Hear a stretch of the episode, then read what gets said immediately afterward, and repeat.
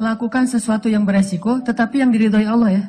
Karena kalau beresiko nggak diridhoi Allah kan bahaya. Nggak ada akad berarti dengan Allah. Sesuatu yang beresiko tapi diridhoi Allah. Saya pernah ngebuktiin itu berkali-kali. Menikah. Kok beresiko Ustaz? Nggak punya modal nikahnya. Kan standar pertanyaan paling mainstream tuh kalau mau nikah apa? Dari calon mertua. Kerjanya apa gitu kan ya? Paling mainstream tuh. Kalau saya ditanya kerjanya apa, belum punya pekerjaan, terus gimana ngasih makan? Allah yang ngasih makan. Tapi pede jawabnya, sampai mertua juga, ah. belum lagi ngeluarin dalil ya. Kan ustadz lah ya, banyak dalil ya. Ayat, hadis, banyak lah udah saya kumpulin bisa jadi satu buku tuh. Khusus ayat dan hadis untuk melamar. Mudah-mudahan nanti bisa di-share ayat dan hadis bahan untuk melamar, nembak calon mertua lah.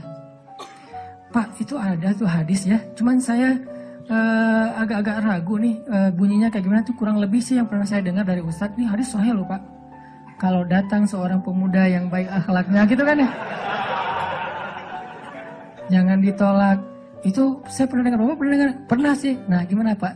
Saya beres langsung urusan. Masa dia mau nolak hadis kan ya? Ingkar sunnah tuh udah jadinya bahaya. Duh jangan pakai-pakai hadis deh dan segala macam. Nggak mungkin dia ngomong kayak gitu. Nikah tuh nggak punya modal tapi ya Bismillah aja lah. Gambling kan. Masa saya mau taat kepada Allah dibiarin telantar kan nggak mungkin. Kan menikah itu untuk taat kepada Allah kan. Eh, gua hawa nafsu. Emang hawa nafsu. Masa nikah nggak pakai hawa nafsu? Ini ada yang keliru di masyarakat kita. Katanya nggak boleh menikah karena hawa nafsu. Bukankah nikah itu adalah solusi buat hawa nafsu? Lo nikah tuh nggak karena Allah tuh, karena nafsu. Nggak berbenturan dua hal ini. Tapi kalau dia menikah karena hawa nafsu dan ingin menghalalkan dengan terhormat hawa nafsu itu, itu namanya karena Allah. Nggak ada cerita karena Allah berarti nggak melibatkan hawa nafsu. Nggak kayak gitu sih bahasanya. Sama kayak kita kerja nih. Lo kerja karena Pengen gaji itu bukan karena Allah. Pengen gaji dan karena Allah itu nggak berbenturan. Kenapa kita pengen gaji? Karena kita pengen mendapatkan rezeki yang halal dan menafkahi keluarga. Dan itu semuanya karena Allah. Jadi nggak dibilang, gue jangan mengharapkan gaji, harapkan pahala. Pahala itu salah satunya gaji. Karena pahala dalam bahasa Arab nggak ada pahala, yang ada al-jaza. Al-ajru. Al-jaza itu artinya balasan, al-ajru itu artinya upah.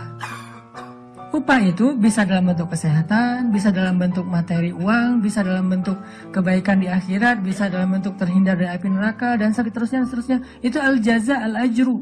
Termasuk mendapatkan hak kita dalam sebuah pekerjaan. Nggak masalah mengharapkan, saya kerja di Telkomsel, kenapa? Gajinya gede. Nggak apa-apa.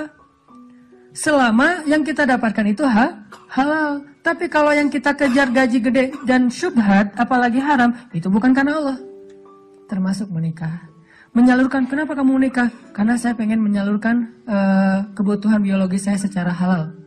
Wah, nggak karena Allah nih, nafsu nih. Eh, emang nafsu, emang kenapa? Bukankah Allah mengatakan litas kunu ilaiha? Apa arti litas kunu ilaiha? Supaya tenang, supaya jadi nyaman, gejolak di dalam diri kalian dengan cara kepadanya. Itu bahasa. Dan di Al-Mu'minun juga dikatakan, walladzina hum li furujihim hafizun. Kalau nggak bisa hafizun, maka dia salurkan. Gimana cara nyalurinnya? Dua. Illa ala azwajihim. Yang kedua nggak usah dibahas. Yang satu aja. Illa ala azwajihim kepada istri mereka. Eh bukan istri mereka, istri-istri mereka. Illa ala azwajihim. Kalau dia menyalurkan dengan cara yang lain selain yang dibolehkan kayak gitu, kata Allah, faulaika umul adun. Dan Allah nggak suka kepada orang yang melampaui batas. Jadi uh, menikah karena Allah, karena saya ingin men, apa, uh, menyalurkan kebutuhan biologis secara halal misalnya. Makanya menca mencari yang sesuai dengan uh, kriteria masing-masing. Kalau misalnya ada yang kriterianya harus yang Arab, cari aja Syarifah, Habaib apa. Kalau Habib perempuannya Syarifah kan ya. Atau saya pengen yang Oriental, pergi aja ke Korea lah atau ke Jepang saya pengen yang misalnya etnik, nah, bisa di Indonesia misalnya. Ini mas selera, nggak masalah. Bukankah Nabi justru mengatakan memilih perempuan itu yang pertama justru fisiknya? Walaupun yang paling berharga bukan fisik, tapi tetap ditaruh yang paling depan. Karena itu yang ketahuan duluan kan. Kita nggak mungkin tahu kesolehannya langsung ketika awal ketemu, ini soleha banget nih, belum tentu. Ketika udah kenal dekat baru tahu ternyata dia rajin tahajud, rajin tilawah. Walaupun kadang-kadang kita ngelihat dia di Instagram postingan terakhir tilawah, alhamdulillah satu juz hari ini misalnya. Bisa kayak gitu. Tapi rata-rata yang pertama dilihat fisiknya kan ya. Walaupun fisik banyak menipu sih hasil editan segala macam. Pas ngeliat orangnya, hah? Lebih cantik dari di Instagram sih. dia salah ngedit. Ini artinya teman-teman, kalau menikah itu karena Allah, kenapa takut? Bukankah Allah sendiri berjanji kalau mereka fukoro, apa arti fukoro? Gak punya apa-apa. Kalau miskin masih punya apa-apa cuma dikit. Kalau fukoro nggak punya apa pun. Allah yang yughniyahumullah. Allah yang akan mencukupkan kebutuhan mereka. Oh Allah yang cukupin, ya udah selesai. Nikah, datang. Yuk nikah yuk. Gak gitu sih caranya. Terlalu polos kayak gitu mah pasti ditolak lah adalah trik-triknya pasti teman-teman udah mempraktekkan kalau nggak pasti berstatus masih jomblo ya jomblo itu kurang kreatif menurut saya kalau yang udah nikah pasti kreatif banget tahu banget cara-caranya gimana ya alhamdulillah berhasil setidaknya untuk dia berhasil setelah puluhan orang yang gagal misalnya. Kalau yang jomblo nih kayaknya harus latihan nih belajar kepada yang udah nikah nanti di kantor sambil istirahat sharing deh. Eh gimana dulu lu nembak apa calon istri? Ah gitu aja. Gimana? Gitu aja. Tahajud dulu. Cie. ya Allah yang membolak-balikan hati. Hati dia memang ada di dalam tubuhnya tapi pemiliknya bukan dia tapi engkau ya Allah. Setahu saya nih dia kayaknya hatinya ke si fulan dah saya mah nggak bisa kecuali dia ya Allah ya Allah ya Allah akhirnya berhasil dan saya ngebuktiin itu banget saya sering bilang saya itu bukan tipe istri saya loh sangat bukan tipe istri saya. Ada empat hal yang pantang buat istri saya, empat-empatnya ada di saya. Subhanallah, kok bisa berhasil? Ustaz. Dia berdoa, ya Allah, ya Allah, jangan itu, jangan itu, jangan itu, jangan itu. Saya cuma berdoa sekali, ya Allah, please yang itu. Ternyata tiba-tiba ya, kelepek-kelepek nggak berhasil dia. Saya tanya, kenapa kamu milih saya? Bukankah empat-empatnya ada pada saya? Pertama, nggak mau orang Sumatera. Katanya orang Sumatera itu keras. Saya dulu. orang Sumatera itu keras. Orang Aceh, Sumatera, kuliah di Mesir. Tidak Mesir mah, Sumateranya Arab.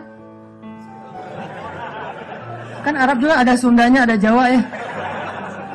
Sundanya Arab itu kayak Yaman, itu Sundanya Arab lembut-lembut sampai Nabi sendiri mengakui kan orang Yaman itu hatinya lembut kalau Jawanya Arab itu yang ulet gitu kerja itu uh, Palestina karena Palestina itu terkenal dengan keteguhannya tapi kalau Sumateranya Arab yang ngomongnya keras gitu belak-belakan spontannya luar biasa itu Mesir banget. Di Mesir nggak ada ceritanya kita nunggu Damri itu nggak ada. Yang ada ngejar Damri. Kita nunggu di halte. Damri ngeliat kita makin iseng tuh dicepetin. Eh mahasiswa cepat begitu. Kita lari ngejar. Yang nggak biasa naik damri itu mahasiswa Malaysia karena mereka kan beasiswa dari kerajaan. Sehingga dianjurkan jangan naik damri, naik taksi. Tapi kadang-kadang mereka kehabisan duit juga naik damri, begitu turun berlawanan arah itu ngegelundung tuh. Kita di atas ketawa-ketawa aja, ah, Malaysia. Bukan negaranya yang orangnya karena terbiasa naik taksi, naik apa MRT. Dan kita mah damri, dusak-dusakan. Oh, kalau udah ramai di dalam damri marah-marah, selalu ala Nabi. Udah sallallahu alaihi wasallam. Cara paling sederhana mendamaikan orang di Mesir itu suruh salawat.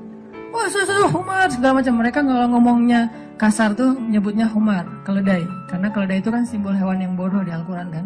Ya humar gitu dan segala macam humar. Selalu ala Nabi. Sallallahu alaihi wasallam. Ya, ya, ya, mulai lagi gitu. Tapi pas salawat mereka bisa cooling cooling down dulu dikit saking menghargai Rasulullah ya. Kadang-kadang ada juga yang sambil marah. Sallallahu alaihi Nabi, sallallahu alaihi wasallam. Di Mesir, orang Sumatera kuliah di Mesir, kebayangan? Udah Sumatera itu mungkin agak keras, kuliah di Mesir. Jadi wataknya tuh terbentuk dengan dua negeri.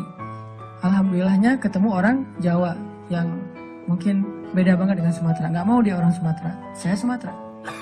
Sumatera Aceh pula dan Aceh di tempat markasnya uh, GAM Aceh PD dan itu kan gam dulu banyak di situ ya uh, terus yang kedua nggak mau yang kulitnya dop. Eh dof. Kebanyakan ke pantai misalnya. Saya nyebutnya nggak dop sih nyebutnya eksotis gitu. Ketiga nggak mau yang berewokan. Nggak usah tanya kenapa. Keempat nggak mau anak pesantren. Ini juga nggak tahu kenapa nih. Empat empatnya ada di saya nih. Ya Allah please jangan itu. Ya Allah saya pengennya itu. Kuat-kuatan doa. Ternyata doa saya lebih, lebih diijabah. Tadi kan Ustaz. Pas ketemu sama dia kenapa kamu mau sama saya? Padahal empat-empatnya ada di saya. Karena kamu punya yang kelima. Apa? Hati kamu. Nggak gitu sih ngomongnya. Yang jujurnya bukan itu itu mah versi jaim ya. Kalau versi jujurnya kenapa? Karena kamu pelet gitu ya. Peletnya pakai apa? Pakai Al-Quran. Begitu ketemu Bismillahirrahmanirrahim. Ria-ria dikit lah. Tapi ria untuk kebaikan kan, biar dapat seseorang yang sesuai dengan uh, isi hati. Ngeklik langsung, ya Allah, ya Allah, berhasil. Dan setelah itu, biarin Allah aja yang ngatur. Mau kerja apa, mau tinggal di mana. Ternyata Alhamdulillah saya ngerasain justru rezeki itu Allah mudahin setelah menikah. Dulu awal-awal saya datang ke Bandung, kita ngontraknya itu di rumah yang tempat pembuangan sampah di Tegalega tuh di salah satu lapangan di Bandung di pojok Tegalega itu ada pembuangan sampah. Kita tinggal di situ. Paling murah soalnya di situ. Mulai saya usaha uh, nerjemahin buku eh nggak ada yang mau nerbitin. Terjemahannya jelek katanya. Ya udah deh. Mungkin bukan terjemahannya yang jelek. Lihat muka saya dia sebel.